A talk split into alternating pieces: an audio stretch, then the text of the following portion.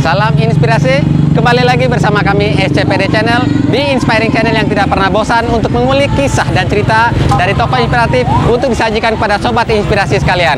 Kali ini kami sedang berada di salah satu kafe di daerah Jatinegara, Jakarta Timur yaitu Long Black Cafe. Narasumber kami kali ini adalah tokoh muda asal Nusa Tenggara Barat yang akhir-akhir ini warawiri tampil di berbagai media televisi nasional, media cetak maupun media online dalam rangka memberikan edukasi, pernyataan maupun analisa keilmuan sesuai keilmuan beliau yaitu di bidang kesehatan masyarakat khususnya lagi terkait sama COVID-19 atau Corona. Namun sebelum berbincang dengan beliau, kami minta kepada sobat inspirasi sekalian agar membantu channel kami bisa berkembang dan terus memberikan inspirasi kepada sobat inspirasi dengan cara subscribe SCPD channel, tonton sampai selesai, like, komen dan juga share ke sobat lainnya agar makin banyak yang mendapatkan kisah inspiratif dari kami dan jangan lupa untuk menekan tombol lonceng agar mendapatkan update informasi terbaru dari kami. Layanan SCPD Channel juga bisa dinikmati melalui aplikasi musik online Spotify dan juga Apple Podcast.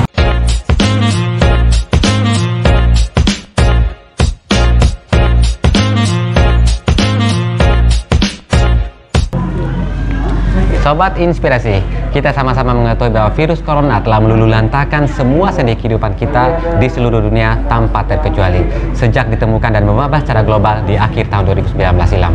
Pada tanggal 13 Januari kemarin, vaksin sudah mulai disuntikan atau divaksinkan kepada masyarakat Indonesia dan Presiden Joko Widodo adalah orang pertama yang menerima vaksin di Indonesia. Seperti apa kondisi setelah vaksin beredar? Kita akan diskusikan langsung dengan pakar atau ahlinya yaitu Bang Hermawan Saputra. Dengan berbekal ilmu pengetahuan secara inline sesuai dengan aktivitas beliau sebagai seorang akademisi dan juga praktisi pada bidang kesehatan dan pengamat kebijakan kesehatan Indonesia, Pengurus Pusat Ikatan Ahli Kesehatan Masyarakat Indonesia ini sangat aktif hadir pada semua stasiun televisi untuk diskusi maupun menjadi narasumber dalam berbagai program berita maupun talk show yang terkait sama virus corona. Baik Sobat Inspirasi, langsung saja kita berkenalan dengan Pak Dr. Hermawan Saputra. Pak Dokter apa kabar? Baik, alhamdulillah sehat Sibuk apa punya sekarang? Sehat Ya alhamdulillah. ini sibuk-sibuk kita ini kan kalau pekerjaan banyak kan Ya. WFH nih, Mhm. baik pengajaran, penelitian atau Ya. koordinasi diskusi semuanya online. Hmm, Nah, off air seperti ini jarang-jarang dan memang harus dibatasi, Mhm. terkecuali ada hal-hal yang memang bisa diukur resikonya begitu. ya. Nah, jadi ya itu sering kali kita membackup bagaimana penanganan COVID, Mhm. mulai dari konsepsi sampai kepada operasional, bagaimana seharusnya negara ini berbuat untuk Mhm. penanganan dan pengendalian COVID. Oke, berbicara mengenai COVID, Bang, kita mungkin nggak perlu bahas detail lagi Hmm. eh, apa itu virus corona karena kita eh, mungkin udah sama-sama tahu. Kita mungkin akan bahas mengenai vaksinnya saja. Di mana kita sama-sama tahu bahwa pada tanggal 13 Januari kemarin Pak Presiden Joko Widodo sudah melakukan vaksinasi terhadap dirinya ya oleh oleh tim medis gitu. Nah, bagaimana perkembangan vaksin sampai dengan hari ini, Bang? Jadi vaksin ini kalau kita secara cepat menyampaikan Mhm. adalah sebuah harapan. Iya. Tapi vaksin bukan segala-galanya dalam Mhm. uh, penanganan, pencegahan dan pengendalian COVID. Iya. Kenapa vaksin bukan segalanya? Karena vaksin itu memang dicipta untuk tujuan pencegahan. Nah, kalau pencegahan secara paripurna itu bila terjadi herd immunity namanya. Herd immunity. Herd immunity. Herd immunity, eh, bagaimana itu konsep kalau eh, dalam pandangan Abang untuk herd immunity? Jadi herd immunity ini semacam kekebalan yang sifatnya komunitas Ya. atau kekebalan kelompok. Dalam Kekebalan ini ya.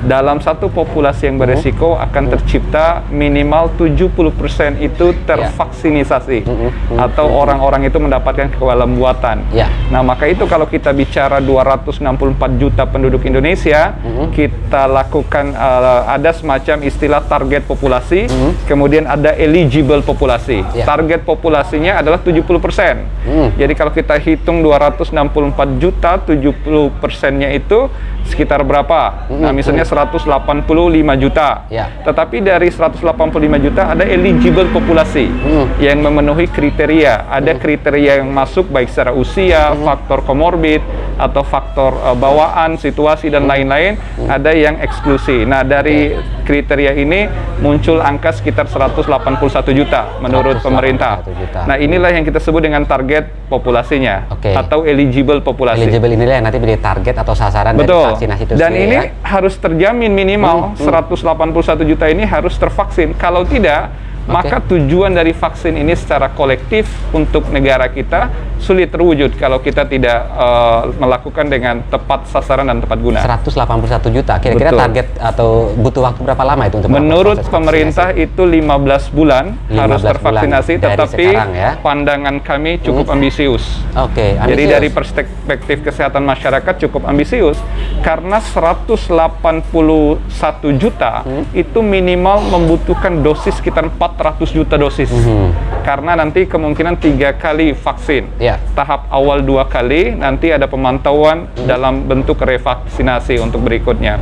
Nah, oleh karena itu memang uh, di sinilah tantangan besar negara ketika hmm. negara kita bukanlah negara produsen atau prinsipal utama vaksin. Hmm. Nah, beda kita dengan Amerika beda kita dengan Jerman atau dengan Inggris atau dengan Rusia. Nah, negara kita bukan negara prinsipal sehingga Baik. tantangan ini menjadi tantangan cukup ambisius kalau 15 bulan. Ambisius. Paling normal antara 2 sampai 3 tahun. Tapi dari dari sarana dan prasarana termasuk tenaga medis sendiri pun udah udah siap berarti dalam dalam menyikapi atau mempersiapkan diri lah dalam pelaksanaan vaksinasi. Kalau dari SDM di Indonesia nggak diragukan. Nggak diragukan. Ya, kesiapan kompetensi okay. maupun uh, ya dari mm -hmm. SDM mm -hmm. karena selama ini kan tenaga kesehatan kita juga terbiasa biasa. Hmm. Melakukan vaksinasi itu hal yang biasa, program yeah. yang rutin.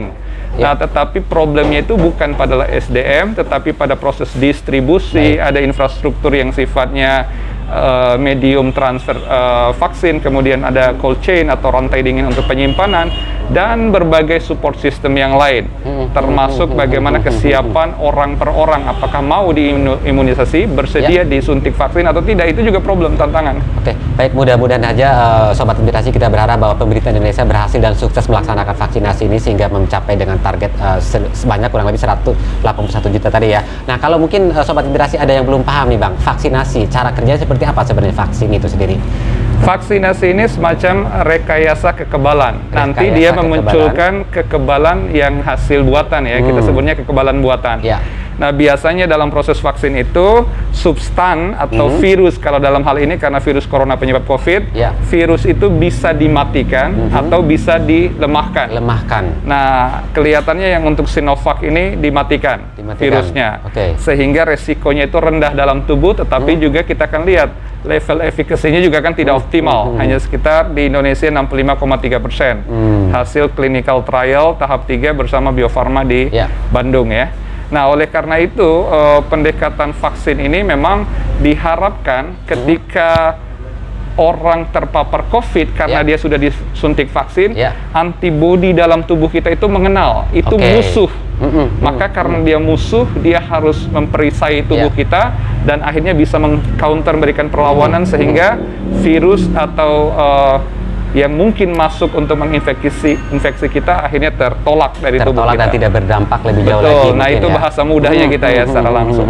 Nah kalau dari ini efek sampingnya sendiri ada nggak tuh Pak, Pak Dok? Vaksin itu sangat mungkin. Sangat mungkin. Efek samping itu bisa saja terjadi. Kalau okay. dalam dunia kesehatan disebutnya KIPI, hmm. kejadian ikutan pasca imunisasi. Nah, KIPI ini mulai dari yang ringan, yang sedang, yang berat bisa terjadi. Oke. Okay. Yang ringan biasanya begitu kita disuntikan muncul ruam-ruam merah, hmm. kemudian kadang juga disertai nyeri-nyeri uh, ringan, hmm. Hmm. tetapi tidak lama, 30 menit biasanya hilang. Nah, itu hal yang biasa. Tetapi hmm. pada orang yang alergi atau hipersensitif, nah itu bisa berlebihan dan ini yang sangat dikhawatirkan. Nah, maka itu identifikasi subjek yang divaksin yeah. itu ya. penting. Mm-hmm. Orang kadang perlu dilakukan tes mantuk namanya untuk melihat apakah dia punya uh, apa namanya respon alergi atau mm-hmm. tidak, mm-hmm. atau bahkan ditelusur dia punya penyakit riwayat tertentu nggak, riwayat penyakit tertentu nggak. Kalau ada, nah ini menjadi uh, catatan khusus sehingga okay vaksin itu harus betul-betul bisa kita jamin efek sampingnya. Ngomong-ngomong Pak Joko Widodo kemarin ada efek samping nggak yang mungkin abang dengar kali? Iya kan akhirnya kan memang dipantau ya 30 menit setelah divaksin secara seremonial itu tidak hanya presiden saya pikir ada Panglima TNI, ada hmm. Kapolri, ada hmm. beberapa figur publik, bahkan ya. ada influencer yang dilibatkan. Nah, hmm, ini betul. bahasan tersendiri itu menarik betul. tuh.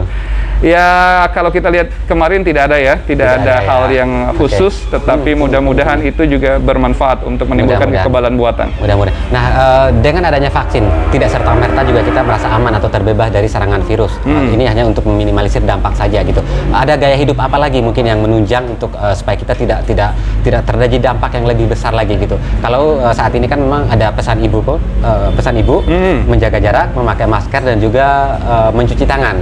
Ada apa gaya hidup apa lagi yang menunjang supaya ini bisa benar-benar terjaga gitu? Dua, Bung Jamal. Dua, tambahan. Ada yang disebut dengan fisik, Oke. yang kedua dengan mental. Fisik dan Ah, mental. Fisik dan mental ini penting. Kalau kita sebut fisik identik dengan kampanye kita yang 5M sekarang, bukan Ya, lagi 3M ya. 5M. Ini menggunakan masker, Menggunakan menjaga masker, jarak, menjaga jarak, terbiasa, terbiasa mencuci tangan, mencuci tangan, menjauhi kerumunan, menjauhi kerumunan, dan membatasi mobilitas. membatasi mobilitas berarti Nah. berubah menjadi 5M ya sobat inspirasi. Iya, kalau lebih berani 6M. Satu 6M. lagi, Apa lagi tuh?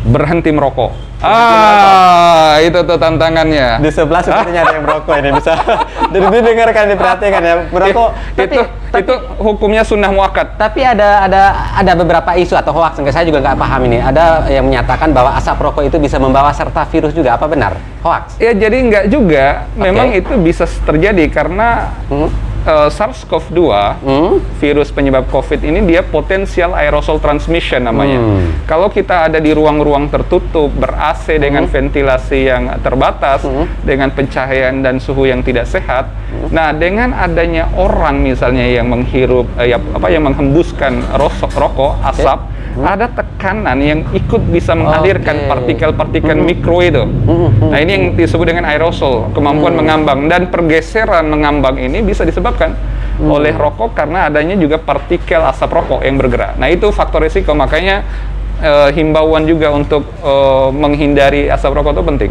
Baik, sobat inspirasi, kalau bisa sebisa mungkin menghindari sumber asap rokok ya, supaya tidak ikut terpapar oleh virus corona.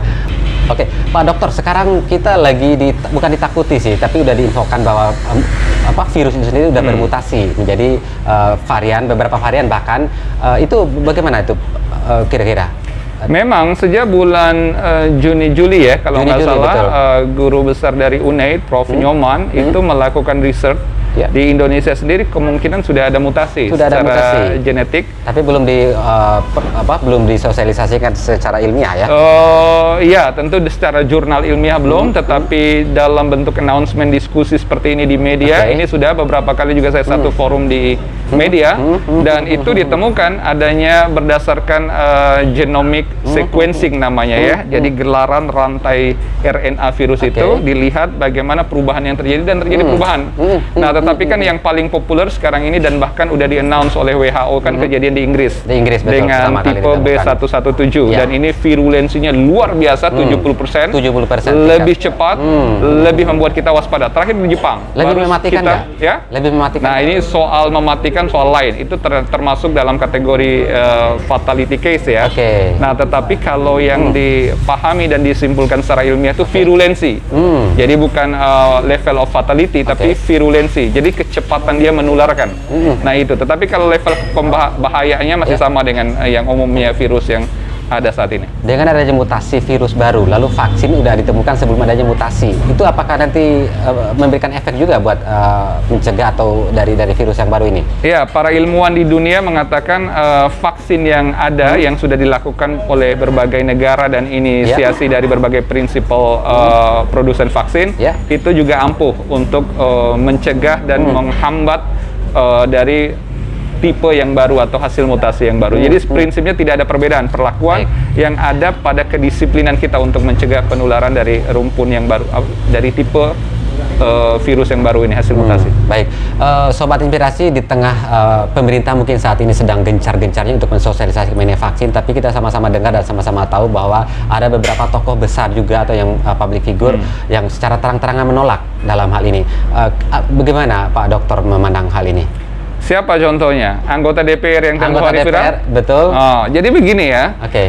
Pandangan saya bahwa di Indonesia, Mhm. negara kita ini memiliki otoritas yang berwenang. Ya. Dan ini sering kali saya sampaikan di media. Kami sebagai eh, apa namanya pemerhati kesehatan masyarakat, Ya. praktisi kesehatan, bahkan kritis. Ya. Kami sering meluruskan kebijakan pemerintah yang dianggap tidak searah dalam pengendalian COVID. Tapi juga kita menyupport program pemerintah yang Betul. betul-betul searah dalam pengendalian COVID.